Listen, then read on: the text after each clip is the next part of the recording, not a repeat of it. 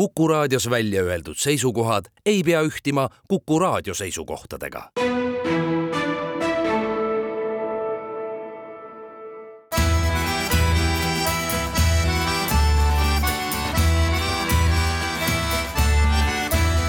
Kirillitsas Eesti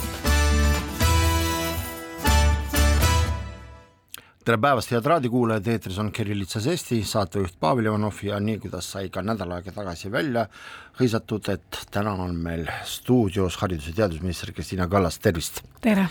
mul on hea meel, et te leidsite aega tulla siia saatesse, sellepärast et äh, ma olen täiesti veendunud, et ka eestikeelne raadiokuulaja peaks kuulama vastuseid nendele küsimusele, mida ma üritan siis äh, võib-olla pisut stereotüüpselt aga siiski paigaldada sinna lahtrisse, mida võib-olla venekeelne meedia, venekeelsed inimesed nimetavad äh, spetsifitski russki vaprosi ehk siis spetsiifilised vene küsimused, mis puudutavad äh, eelkõige loomulikult haridust, eelkõige eesti keelele õppimist, õppele üleminekut ja kõik, mis sellega kaasneb, natukene räägiks ka kultuurist mm, -hmm. aga esimene küsimus on, et te ütlesite, et te nüüd praegu olete käinud ka vene kool, venekeelsetes koolides ja gümnaasiumites ja lõpuaktustel, et äh, milline kogemus on siiamaani olnud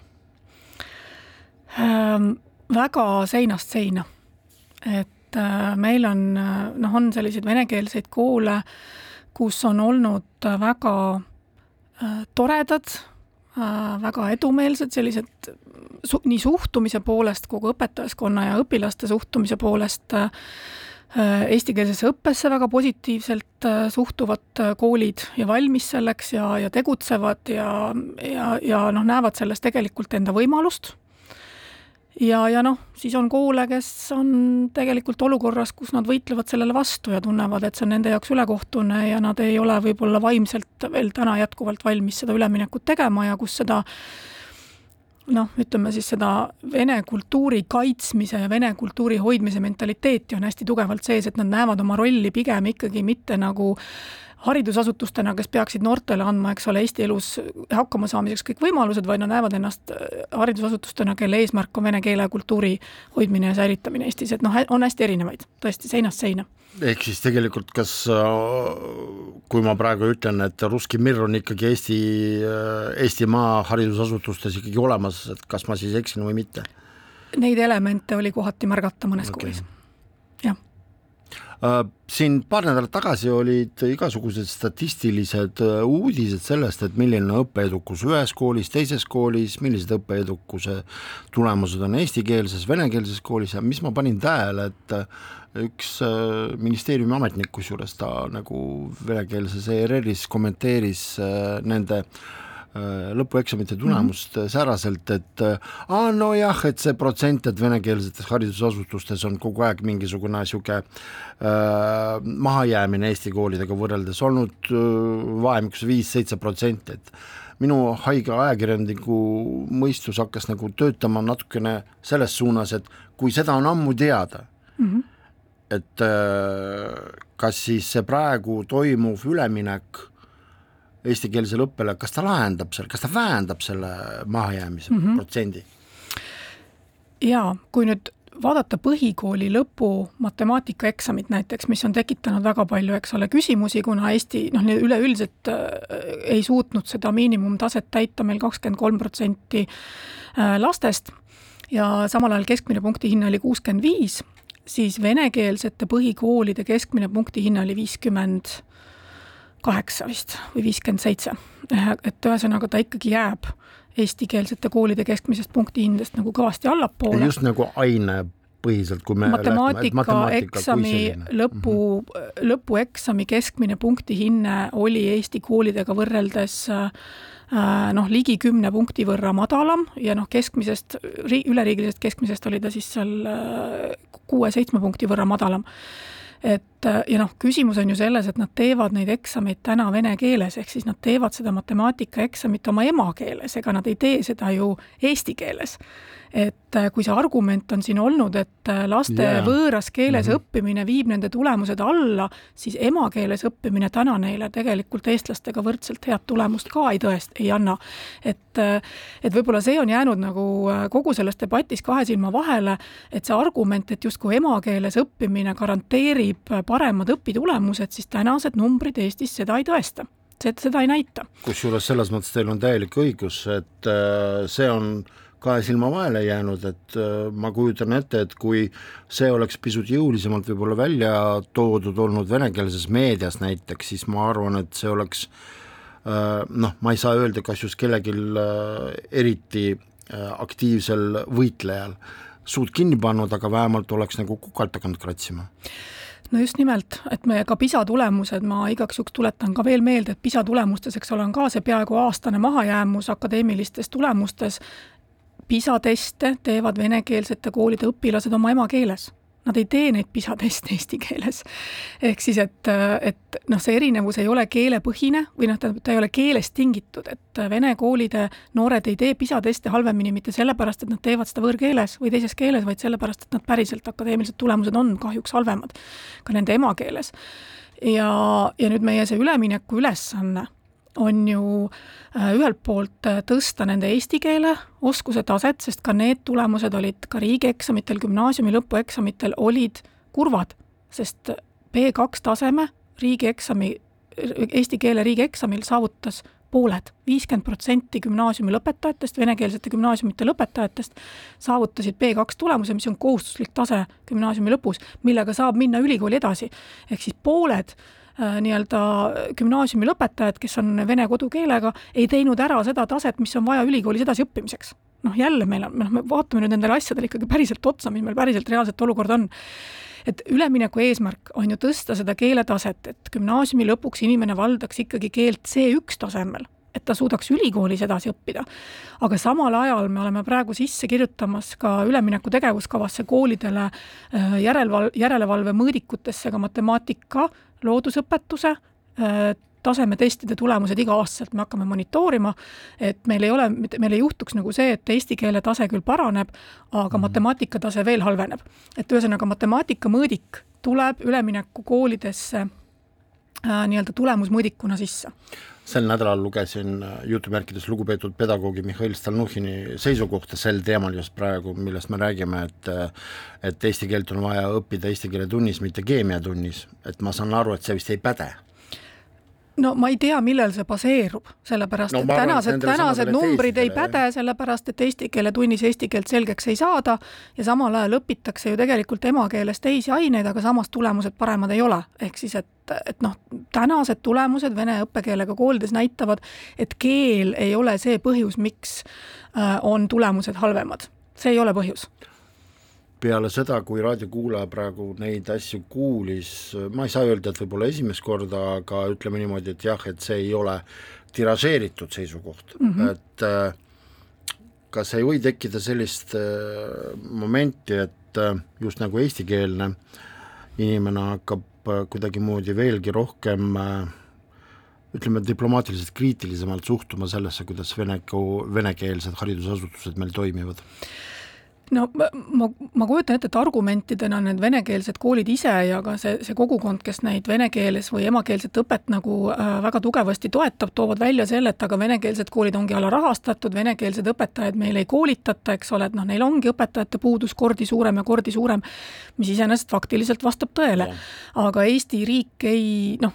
ei ole võimeline mitmes keeles koolitama kõigepealt õpetajaid, matemaatikaõpetajaid, et me suudame täna siiski tagada selle, et meil on väga heal tasemel või võimalik koolitada eesti keeles õpetavaid matemaatikaõpetajaid ja neid õpetajaid, kes suudaksid siis nendele lastele, kes eesti keelt ei valda, matemaatikat õpetada teises keeles vastava metoodikaga. muuseas, veel üks fakt ikkagi, keelekümbluses õppivad lapsed, eks ole, kes tegelikult mm. õpivad osaliselt eesti keeles, noh, nende tulemused on paremad kui nendel lastel, kes õpivad vene keeles. et noh, jällegi noh, ei leia kinnitust ühegi tulemuse pealt praegu see, et teises keeles õppimine halvendaks akadeemilisi tulemusi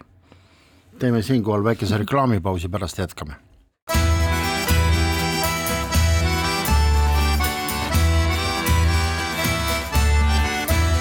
Kirillitsas Eesti. jätkame saadet, jätkame jutuajamisi haridus- ja teadusminister Kristiina Kallasega äh, Kui me räägime mingisugusest vastasseisust äh, eestikeelsele õppele ülemineku osas, siis kas te olete ministrina kohtunud, ma ei tea, seal näiteks MTÜ Vene Kool Eestis liikmetega, kellegiga veel huvigruppidest? Äh, ei ole äh, selles mõttes MTÜ-ga Vene Kool Eestis kohtunud ei ole, küll ma olen neilt saanud ühe emaili, ühe kirja noh, kus nad põhimõtteliselt kordavad seda, mida nad on kordanud ja mida tegelikult ka härra Stalnuhhin ütles, et, et nende seisukoht on see, et kõige paremini saab laps õppida ikkagi ainult oma emakeeles ja et kõige parem eesti keele õpe on eesti keele tunnis, noh, mis, mis ongi lihtsalt seisukoht, sellepärast et äh, statistilised andmed seda lihtsalt ei kinnita. Äh, ma, ma olen kohtunud äh, Tallinna linnapeaga, Narva linnapeaga, Kohtla-Järve linnapeaga, eks ole, nende omavalitsuste linnajuhtidega, äh, keda see üleminek äh, kõige rohkem puudutab ja, ja kus on siis ka kõige suuremad nii-öelda ülesanded või, või tegevused, no väljakutsed jah, et mis, mis vajavad nagu lahendamist, et kõige suuremad väljakutsed meil on tegelikult Ida-Virumaal. Tallinnas on lihtsalt tõesti see, et et Tallinna puhul on, on nagu ettevõtmise mastaap on suur mm. -hmm. probleemi sügavus ei ole nii suur, aga ettevõtmise mastaap on suur, lihtsalt arvuliselt on inimesi siin ju kordi rohkem kui Ida-Virumaal, eks ole, keda see puudutab, Ida-Virumaal on pigem see, et arvuliselt võib inimesi vähem olla, aga see probleemi sügavus lihtsalt, et neid, nende inimeste tänane keeleoskus, õpetajate potentsiaalne keeleoskus on oluliselt madalam, kui nad on Tallinna õpetajatel, nii et noh, seal on nagu erinevused sees. kas ma eksin või mitte, et kui ma oletan, et Ida-Virumaal ei ole nagu ideoloogilist probleemi, seal on rohkem nagu ütleme niimoodi selline rakendus majanduslik probleem. et äh, ikkagi ma mäletan, et kui äh, ühel või teisel põhjusel kuidagimoodi äh, üritasin äh, lahterdada Eesti linnad just nagu lähtudes ideoloogiast ja väljakutsetest, et ikkagi kui rääkida Ida-Virumaast, siis kõige probleemsem oligi võib-olla Kohtla-Järve, aga Narvaga minu meelest, kui me räägime puht ideoloogilisest äh, aspektist või mentaalsest mm, -hmm. ega ega selles asi kinni ei ole vist ei ole, ei ole enam kinni ka Kohtla-Järvel mitte, selles mõttes, et Kohtla-Järvel on ka linnavõim vahetunud ja, ja on teistsugune linnavõim, kes, kes pigem otsib lahendusi. noh, küsimus ongi selles, et kas sa selles, et kui sul on ees probleem, eks ole, sa tead, et sa ei, täna, tänane olukord ei vasta sellele, mis oleks soovitud olukord, et kuidas sa sellesse suhtud, kas sa suhtud sellesse niimoodi, et okei okay,, nüüd hakkame hoogsalt lahendusi otsima? Või sa suhtud sellesse, et mul ei ole midagi teha, ma ei saa mitte midagi teha, et noh, lähme nii edasi, nagu täna on, on ju, me mitte midagi muuta ei saa. ja see suhtumine, noh, Tallinnas natuke kumab läbi see suhtumine, et meie midagi teha ei saa või meil on nagu käed-jalad seotud, et olukord on väga halb, et noh, haridusministeerium, otsige lahendusi. tegelikult peab lahendusi otsima täpselt sama palju kohalik omavalitsus, kes on koolipidaja, kui, kui haridusministeerium. et et äh, lihtsalt see suhtumise küsimus, et kui sa oled, kas sa oled, kas klaas on pooltühi või pooltäis, eks ole. ja Narva puhul ja Kohtla-Järve puhul mina ikkagi nägin, et klaas on äh, pooltäis, ehk siis nad on valmis äh, sellele väljakutsele vastu minema ja, ja pingutama nii palju, kui nad vähegi suudavad selle nimel. noh, Tallinna puhul oli tõesti natukene nagu pinge sees kohtumisel, et ma täpselt ei saanudki aru, et mis, kas see Tallinna positsioon on see, et et kuna, kuna ressursipuudus on nii suur, kuna see üleminek on nii raske, siis, siis nemad nagu ähm, noh, lihtsalt tõdevad, et see on raske, aga kas nad on ka valmis päriselt selle nimel pingutama, et see jäi natuke, natuke nagu segaseks. no mulle tundub, et uh, uus Tallinna abilinnapea Andrei Kante, kes selle sfääri eest vastutab, tema, tal tulevad rasked ajad, et ta vist ei ole nagu see inimene, kes uh, süveneb nendesse probleemidesse ainult poliitilisest aspektist lähtudes, et ta ikka tahab nagu minu meelest ikkagi teha midagi, aga eks paistab, me pole Maardust rääkinud, kuidas Maarduse olukord on? ma ei ole Maardusse veel jõudnud, ma lähen ah,, okay. ma lähen Maardusse järgmisel nädalal. aga mis kuulnud olete Maardust? ei, ei oska hetkel midagi öelda et äh, tõesti ei oska nagu öelda, aga noh, ma ei ole kuulnud, ega, ega ma ei taha nagu Tallinnaga tekitada seda tunnet, et Tallinn ei tegele üleminekuga, tegeleb küll kõik omavalitsused täna väga pingsalt tegelevad sellega, et kuidas esimesest septembrist kaks tuhat kakskümmend neli, eks ole, üleminekuks valmis olla, kõik tegelevad sellega. kõik otsivad nagu lahendusi, et äh, ja Haridusministeerium püüab siis kõigile nagu jõudumööda äh, toeks olla, sest noh, üleminek puudutab omavalitsuste kooli, aga tegelikult puudutab ka Haridusministeeriumi allasutusi, et meil on ka oma riigikoolid, kes peavad üle minema peale seda, kui siin paar nädalat tagasi hakkasid ilmuma uudised äh, seoses matemaatikaeksamitega, et ju tegelikult äh, siis äh, väga reljeefselt tuli välja ju õpetajate põud. et see on, see on ju ka üks argument, mida kasutatakse jõuliselt noh, okei okay,, ärme nimetame vastasseisus eestikeelsele õppele ülemineku puhul, aga kui kontor, lihtsalt kui kontrargument. emakeel ja nii edasi, nii edasi, et aga see õpetajate puudus ja siis äh, mõned minu kolleegid äh, ja ka mina tegelikult, et me iseenda peades püstitasime sellise retoorilise küsimuse, et no, et no nüüd kõik ju näevad, et õpetajate põud on. et äh, ja see võib väga saatuslikuks saada just nagu sellel üleminekuprotsessil. et, et ütleme niimoodi, no kas siis teile ma mõtlen teile, ma mõtlen kui valitsusele ja Haridusministeeriumile, mitte konkreetselt personaalselt ministrile, noh, jõuab kohale, et äh, seesama üleminek võib toimuda tõesti siis, kui mingisugused alustalad on paigas, sealhulgas ka õpetajate kvantiteet. Äh, ei no õpetajate kvantiteet on äh, alati nagu olemas, täna on küsimus selles, et need õpetajad töötavad kuskil mujal ja mitte koolis. me koolitanud neid õpetajaid siin aastakümnetega oleme mitmeid, need õpetajad lihtsalt, kes, kellel on õpetajakutse, täna koolis ei tööta, eriti mis puudutab LTT erialasid, nad töötavad startup ides, nad töötavad väga paljudes teistes sektorites ja siin on küsimus õpetaja A äh, palga tasemes, eks ole, et kas selle palgaga on võimalik kooli meelitada. mida mida me ikkagi tõstame, järgmine aasta ikkagi õpetaja palk tõuseb, see on täiesti kindel. aga siin uudised räägivad hoopis teisi asju. ei, see ei vasta tõele, õpetaja palk järgmisel aastal tõuseb, sellepärast et me oleme eraldanud juba, mitte valitsuse otsust veel ei ole, aga järgmise aasta riigieelarves eraldatakse viisteist miljonit õpetajate palga diferentseerimisfondi jaoks, millega on võimalik tõsta näiteks LTT õpetajate palkasid ehk siis, et suurendada nende õpetajate palkasid, kelle järgi defitsiit on veel eriti suur.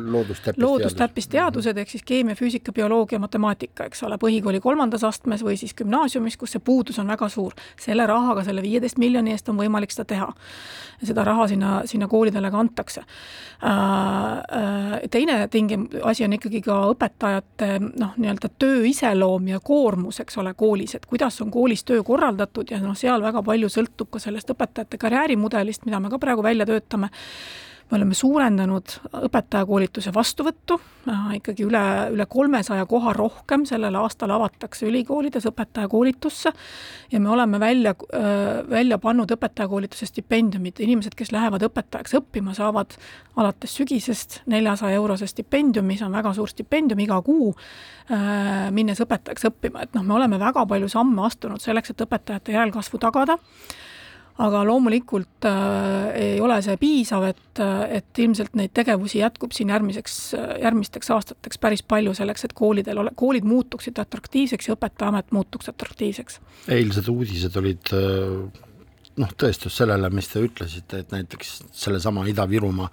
õppeasutused on leidnud viiskümmend äh, uut õpetajat mm, -hmm. see on tõesti, see on tore, kusjuures see on tore mitte ainult sellepärast, et on leitud, vaid sellepärast, et ju siis inimestel on ka soov minna õpetajaks ja muuhulgas ka just sellesse regiooni, aga ma olen kokku puutunud ka selliste juhtumitega, kus kooli võetakse õpetajaid, no inimesi, keda isegi puht ideoloogilistel põhjustel oleks nagu väga suur patt nagu õpetajaks võtta. Et kas siis tõesti olukord on näiteks venekeelsetes haridusasutustes selline, et võetakse tööle ükstaspuha keda, aga küsimus ei ole nagu isikus kinni, ei ole personifitseeritud, vaid ta on, järjekordselt tuleme selle juurde, et lihtsalt ei olegi kedagi võtta. tõepoolest, meil ei ole kuskil turul terve hunnik töötuid mm. õpetajaid et noh, selles mõttes, et töötuid õpetajaid ei ole olemas, kõik inimesed, kellel on õpetajakutse,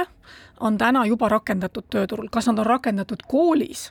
nad ei ole rakendatud kõik koolis mm. ja järelikult on see ka koolijuhi professionaalsuse küsimus, et ta suudab enda juurde ikkagi tööle meelitada inimesi, kellel tegelikult on õpetaja kutse, aga kes täna õpetaja ametit ei pea. noh, see on väga palju ka koolijuhtides kinni ja koolipidajates kinni. et noh, see praktika, millega oldi harjunud, et kuskil on olemas mingid planeeritud kaadrid, et me paneme kuulutuse õpetajate lehte ja kuskilt ilmub meile konkursi korras välja siis nii-öelda töötu õpetaja, kes just nimelt seda töökuulutust ootas, seda olukorda ei tule enam mitte kunagi. õpetaja on oma eriala professionaal, ta on ikkagi selles mõttes nagu keskastme äh, tippjuht, eks ole, või noh, ekspert tegelikult. ja teda tuleb nii-öelda personaalse otsinguga tööturult ikkagi tööle meelitada ja see on see, mida peaksid koolijuhid tegema ja ma arvan, et seal on ka see koolijuhtide nii-öelda nõustamine, õpetamine, kuidas karjääripoliitikat teha, äh, on, on nagu hästi oluline, et, et, et noh, see on minu poolt ka nagu sõnum koolipidajatele ja koolijuhtidele, et äh, kuulutuse väljasaatmine lehte ei ole veel õpetaja otsimine et õpetajat tuleb otsida ikkagi personaalselt ja päriselt otsida seda professionaali turult, ta on olemas seal turul, aga teda tuleb otsida, ta ei tule nagu lihtsalt. kui me tuleme tagasi just venekeelse, venekeelsete õppeasutuste juurde, kas noh, ma saan aru, et jah, et mingisugused statistilised asjad ei päde siis, kui räägitakse, et ikkagi emakeeles sealsama, sedasama keemiat või matemaatikat õppida, et see on nagu parema tulemuse eelis, aga siiski, et kui me räägime sellest, et valmistatakse ette õpetajate kaader, kas on mingisugune vahe, et kas sa valmistud või valmist-, kui riik valmistab ette õpetajaid, siis tõesti ühe segmendina äh, sellest äh, ütleme niimoodi, õpperuumist valitakse välja ka need, kes konkreetselt on suunatud või määratud just vene, meie praeguses mõistes venekeelsetesse õppeasutustesse. on küll vahe, õpetajakoolituses on vahe, ehk siis, et see õpetaja, kes läheb oma ainet õpetama äh, klassi ette, kus lapsed ei valda seda keelt emakeelena või siis ei valda teda üldse sellel tasemel, mis taset oleks vaja selle aine õpetamisel, mis ilmselt tõenäoliselt juhtub aastal kaks tuhat kakskümmend neli, see õpetaja vaja, vajab erimetoodilist ettevalmistust, kuidas õpetada teises keeles ainet, mis ei ole selle lapse emakeel? Äh, seal on keelekümblusmetoodika, seal on lõimitud aine keeleõppe metoodika, seda koolitust need õpetajad vajavad, nad peavad seal klassi ees ette valmistatud olema. Äh, et äh, ja nüüd need õpetajad, kes päriselt lähevad eesti keeles õpetama venekeelsetesse koolidesse või siis noh, laste ette, kes ei valda seda keelt, eriti Ida-Virumaal, nemad ju saavad täna meil palgakoefitsiendi, see on nüüd see soo-, see, see motivaator, mis, mis, millega me püüame siis kooli, venekeelsesse kooli meelitada tööle eesti keeles õpetavaid õpetajaid, sellepärast et see töö on raskem et õpetada last keeles, mida ta ei valda, on palju raskem kui õpetada last keeles, mida ta valdab. ja kui sa õpetad matemaatikat, eks ole, keeles, mida laps ei valda, sul on lisametoodikaoskust vaja ja sul on ikkagi vaja väga palju rohkem selliseid töötunde ette valmistada ja nende lastega individuaalselt töötada, seal on palju rohkem individuaalset tööd äh, ja teistsugust tööd ja noh, selle tõttu see palgakoefitsient Ida-Virumaa õpetajatele on, on, on ka mõeldud. ma arvan, et võib-olla see topelt või siis kolmekordne raskus tuleb veel ka mitte ainult keelest või siis ainest põhinevalt, vaid ka äh, nii, kuidas me saate alguses ütlesime, et võib-olla on vaja natukene Äh, lahti kammida, kui niimoodi võib öelda, ka selle mentaalsuse vist mm. -hmm. seal on, äh, seal on vaja lahti kammida mentaalsust, aga seal on ka see, et äh, laps, laps peab arvestama, need õpetajad peavad arvestama sellega, et nemad väga palju koduseid ülesandeid, iseseisvat koduseid ülesandeid lastele anda ei saa, sest lapsel ei ole kodus seda keelelist tuge mm, -hmm. kes saaks teda nagu aidata koduülesannete tegemisel, järelikult suurem osa õppetööst tuleb teha ära koolis ja see on veel omakorda väljakutse nendele õpetajatele ja selle kooli töökorraldusele, et äh, kuidas tagada see, et laps tegelikult äh, saab selle toe koolist, sest ko me ei saa arvestada sellega, et ta saab selle toe kodust. Reklaamipaus pärast jätkame.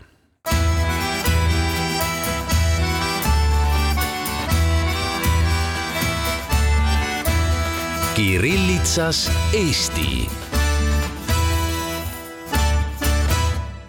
meie saade jätkub, saatekülaliseks on täna haridus-teadusminister Kristina Kallas. Kui jutud lähevad nii kaugele, et me hakkame rääkima sellest, et äh,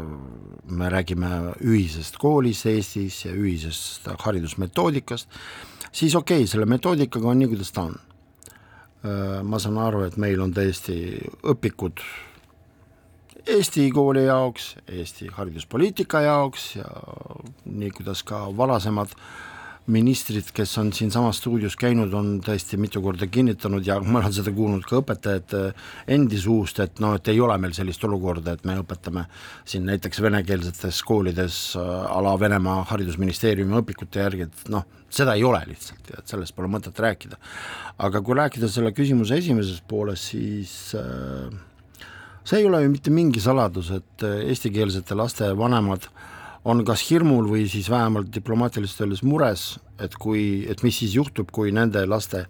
klassi ilmub siis äh, lähtudes uuesti Eesti hariduspoliitikast, siis teatud hulk äh, õpilasi, kelle jaoks äh, eesti keeles õppimine on raskendatud, mis omakorda võib siis raskendada ka üldist hariduse andmise taset mm, -hmm. et mis selle peale öelda? Äh, kui me nüüd seda, seda ühtse Eesti kooli asja korra lahti harutama hakkame nagu, siis me peame kõigepealt aru saama sellest, et meil täna on juba väga palju Eestis selliseid koole, kus on kas pooled või üle poole lastest ei ole eesti kodukeelega. noh, meil on Kohtla-Järve Järve kool, meil on Tallinnas, äh, Lasnamäel mitu nii-öelda eesti õppekeelega kooli, kus kaks kolmandikku lastest või pooled lapsed ei ole eesti kodukeelega ja meil on Pärnus, eks ole, kool, kus, ähm, kus õpivad koos nii eesti kodukeelega kui ka mitte eesti kodukeelega lapsed.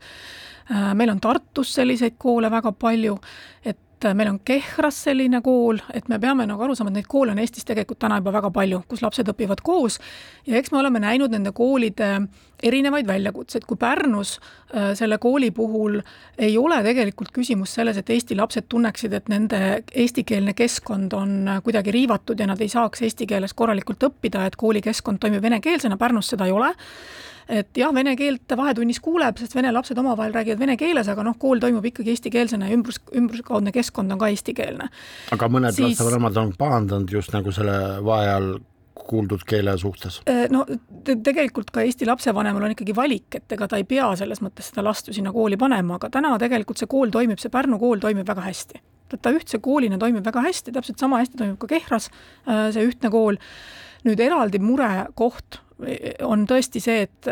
venekeelses keskkonnas toimivad sellised Eesti koolid nagu näiteks Kohtla-Järve Järve kool, eks ole, mis on ajalooline eestikeelne kool mm. Ida-Virumaal, kus täna on kaks kolmandikku lastest tegelikult ei ole eesti emakeelega.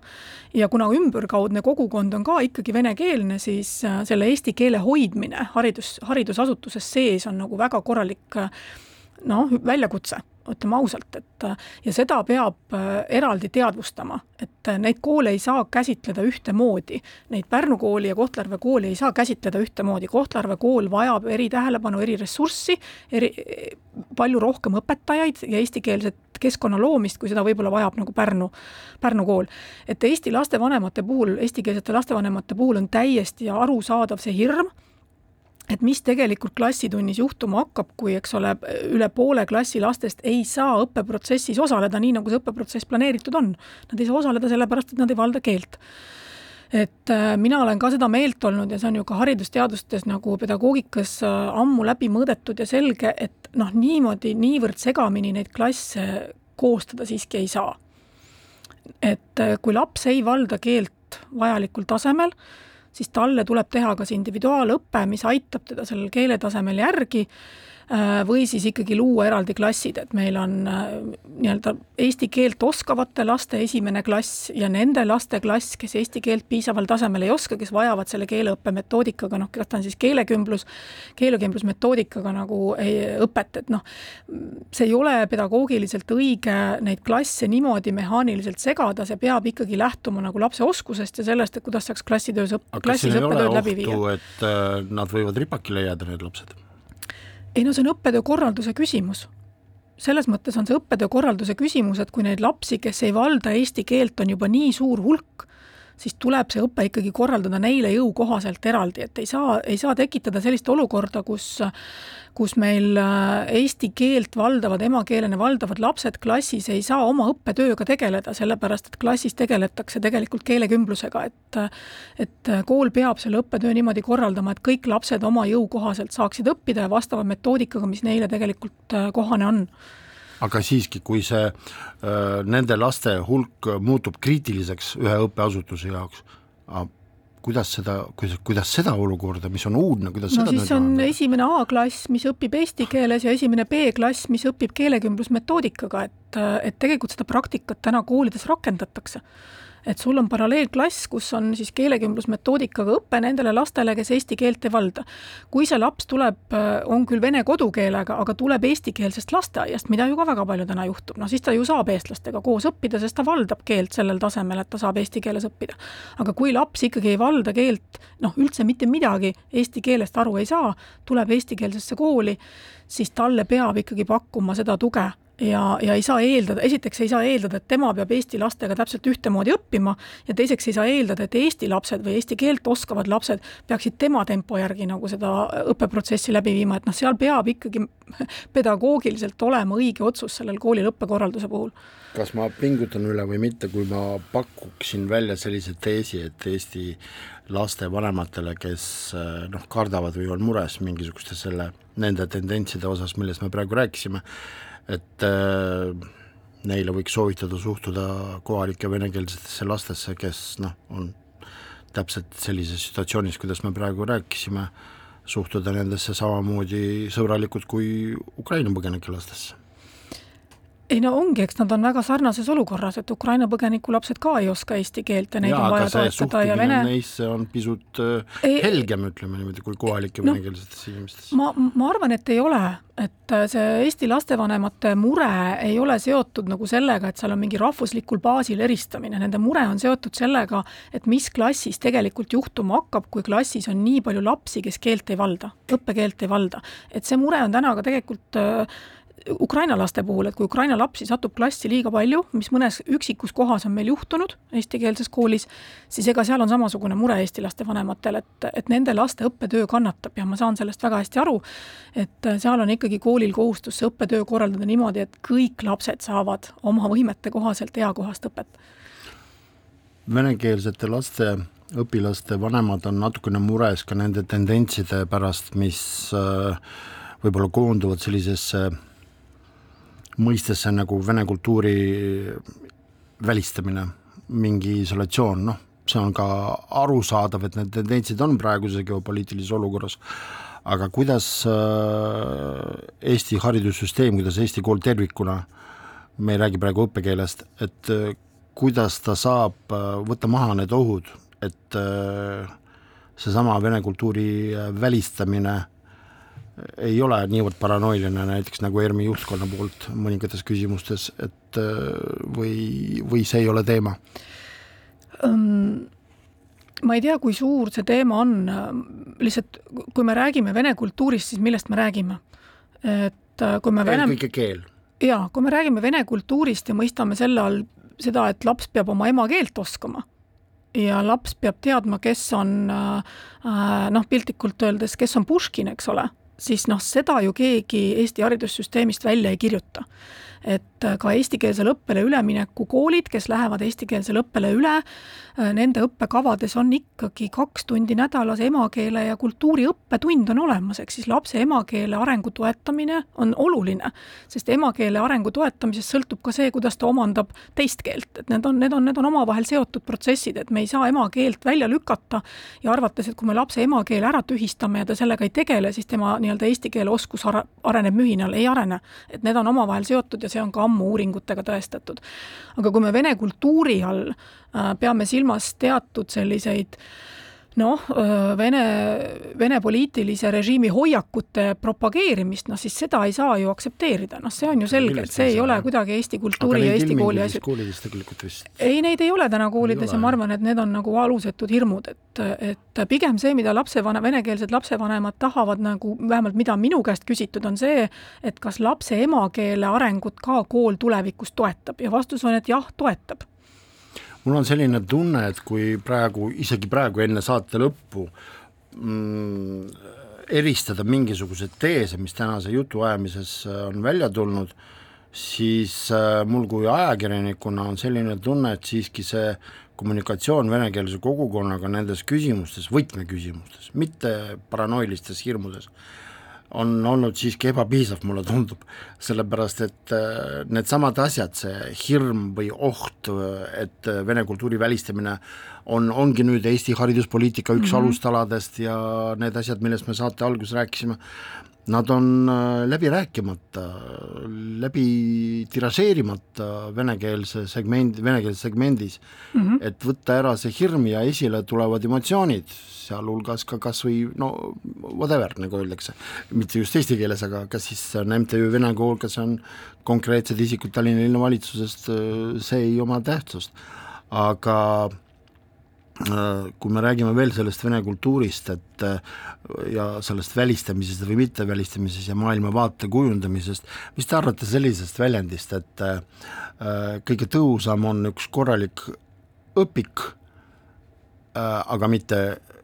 kaksteist propagandisti? Äh, ma isegi ei ole kindel, et ma sellest väljendist praegu õigesti aru saan, tõlgenda mulle seda mõte on nagu selles, et kõik algab nagu sellest, kuidas õpetatakse ja mida õpetatakse. aga propagandistid nagu, kes tahavad nüüd oma õpetustega midagi muuta, mingit maailmavaadet, et äh, nendest pole kasu, võib-olla, või siis äh, neid pole vaja, juhul kui paigas on just nagu see mõttemaailma äh, kujundamine koolis läbi mingi konkreetse õpiku mm. -hmm. Um segaselt võib-olla, aga noh, mõte on selline. jaa, no äh, see, millest sa rääkisid, et vene kogukonnas või venekeelses kogukonnas ja avalikus ruumis on teatud hirmud, eks ole, selle eestikeelsele õppele üleminekuga, on selge, et on inimesi, kes neid hirme oma huvides ära kasutavad, neid võimendades ja rääkides asjade nii-öelda võimendades hirme ja öeldes, et rääkides asjadest, et mis kõik juhtuma hakkab, mida tegelikult keegi ei ole kunagi planeerinud ja midagi juhtuma ei hakka, noh a la vene kultuur tühistatakse, vene keel tühistatakse, lapsed ei õpi matemaatikat ära, on ju, vene lapsed jäävad lolliks vene, vene, venelasi Eestis tahetakse tänu sellele tasalülitada, et noh, nende lastelt võetakse hea haridus ära, et noh, kõik see on nagu nende hirmude võimendamine, mis, mis vene lapsevanemal on. ja nüüd võib-olla tõesti on olnud nagu meiepoolne kommunikatsioon äh, selles mõttes nõrgem, et me neid hirme äh, oleme püüdnud maha võtta aga ega me ei ole võib-olla veel ka väga kaugele jõudnud, no ütleme nii, et siin on ka haridusministri ja haridusministri vahe. et äh, eelmiste valitsuste sõnumid ei olnud võib-olla nii selged selle koha pealt, et em, laste emakeele arengu toetamine koolis on oluline ja mitte sellepärast, et äh, kuidagi vene keel on oluline, vaid sellepärast, et kui laps üldse areneks ka eesti keeles, on oluline tema emakeele toetamine.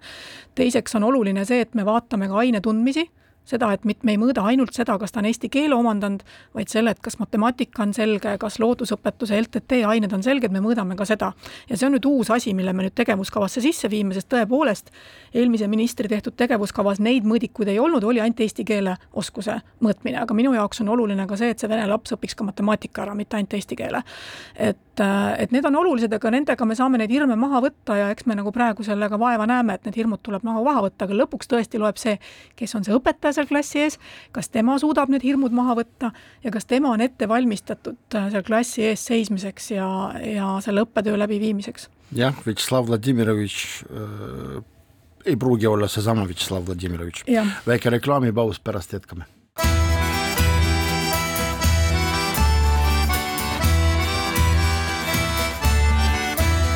Kirillitsas Eesti jätkame saadet ja kui rääkida hirmudest, mis äh, valitsevad kas siis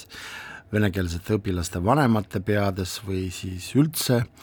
venekeelses äh, kogukonnas, siis kindlasti üheks selliseks asutuseks on Keeleinspektsioon. praegu ta on teise nimega, aga siiski. Ja võib-olla te teate, et äh, Keeleinspektsiooni venekeelses kogukonnas mõningal juhtumil nimetatakse keeleinkvisitsiooniks. Öelge palun, proua minister, et kas see, selle asutuse selline äh, karistav roll on äh, jäänud samaks, et ma olen kogu aeg toonud sellise näite, et kui meil on üks uudis, mis tuleb sellest samast asutusest, et juun, ma ei tea, seal oletame, juunikuus me karistasime viiskümmend viis Narva õpetajat, määrasime trahvi kahekümne seitsmele Maardu õpetajale ja nii edasi, nii edasi, miks seda ei saa teistmoodi serveerida? et näiteks sellesama juunikuus eh, koostöös Keeleinspektsiooniga või Keeleametiga, eks ole, et me aitasime tõsta eesti keele valdamise taset neljakümne seitsmel Narva õpetajal, me no ühesõnaga leebemalt kuidagimoodi, sellepärast et see, see vana tõdemus, et dobrое слово даже кошке приятно ehk siis hea sõna on ka kassile meeldiv, no ta, ta ju kehtib no Keeleameti ülesanne ei ole korraldada keeleõppekursusi ega tõsta õpetajate keeleoskust, Keeleameti ülesanne on äh, anda, ei, ei äh, hinnata ja anda õpetajale ja koolijuhile informatsiooni, kas tema keeletase vastab sellele nõudele, mis tema ametis tegelikult olemisel on. ja Keeleamet ei tee mitte tiht-, enamus ajast ta ei tee mitte trahve, vaid määrab sunniraha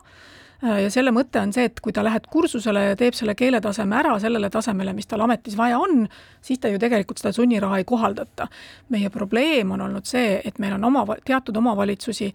kes lihtsalt maksavad selle sunniraha ära ja õpetajat mitte kunagi koolitusele ei saada ja tegelikult mitte keegi ei kavatse seda keeletaset tõsta, see on aastakümneid niimoodi toimunud. see on aastakümneid niimoodi toimunud. aga kas seda kommunikatsiooni saaks muuta pehmemaks? Kommunikatsiooni saab pehmemaks muuta, aga nüüd on keelenõue pandud õpetaja kvalifikatsiooninõuete sisse ja selle, see põhjus, miks see niimoodi tehti, oligi see, et enne oli muidugi niimoodi, et õpetaja said sa tööle võtta, töölepingu said sõlmida, kvalifikatsiooninõuetele ta vastas, aga keelenõuded olid täiesti eraldi määrusega ja siis alles Keeleamet hakkas koolis jälgima, kas õpetaja ka keelenõuetele vastab. nüüd on, eks ole, keelenõuded viidud kvalifikatsiooninõuete sisse, mis tähendab seda, et sa ei saagi seda inimest enam tööle võtta enne, kui tal on tegelikult näidatud ära see, et tal see keelenõue, ametile vastav keelenõue on täidetud. et ja see oligi, see muudatus oli nagu selleks vaja, loomulikult saab kommunikatsiooni teha ka see, et nii ja nii palju õpetajaid on läbinud keelekursuse, nii ja nii paljudel õpetajatel on äh, keeleoskuse tase tõusnud ja ma võib-olla võiksingi selle kommunikatsiooni täna ära teha. Selle koha pealt, et äh, sain siin hiljuti ähm, Harnost äh, Noorteameti statistikat C1 tasemeeksami sooritajate numbrite kohta. Ehk siis, et meil on, kui meil tavaliselt sooritab, noh, mitte ainult C1, vaid B2 taset ka,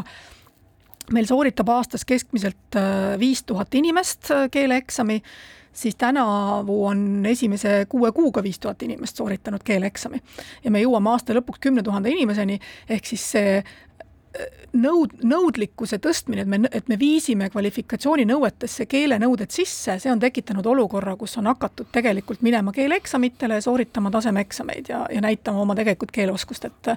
et noh, midagi pole teha. nõudlikkus tuleb sisse kirjutada, nii-öelda noh, piits tuleb sisse kirjutada, muidugi on ka präänik ka, sest tasuta kursuste hulk on suurenenud ja haridustöötajatel on täna rohkem võimalusi keele, keelekursustel käia, kui see varem on olnud.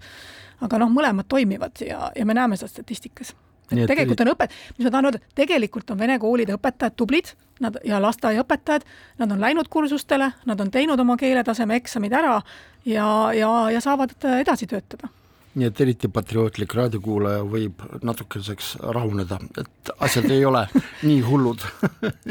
ei no asjad ei ole tegelikult nii hullud jah, et natuke seda nutulaulu, et kõik on täiesti katastroofi äärel ja meil jääb meeletu hulk õpetajaid tööta, ma arvan, ei vasta tõele, sellepärast et päris suur hulk õpetajaid, kes täna võib-olla ei oma keeletunnistust vastavat keeleoskuse tasemega, äh, on läinud keelekursustele ja, ja tõenäoliselt saavutavad ka selle taseme ja suudavad eesti keeles õpetada. proua minister, ma südamest tänan teid, ma arvan, et ka raadiokuulajal oli, mida kõrva taha panna ja veel kord kordan, et mulle tundub, et jah, et seda venekeelset kommunikatiivset selgitustööd oleks vist vaja rohkem, aga mitte, et selgitada, et millised on nagu alustalad hariduspoliitikas, vaid et võtta maha konkreetse sõnumiga need ohud, mis tegelikult jah, jah, mis mm -hmm. segavad tegelikult Just. seda suhtumist kuidagimoodi paika sättida. meie tänane saade on läbi, tuletan meelde, et stuudios oli haridus-teadusminister Kristina Kallas, meie järgmine kohtumine on järgmisel nädalal, aitäh kuulamast ja kohtumiseni!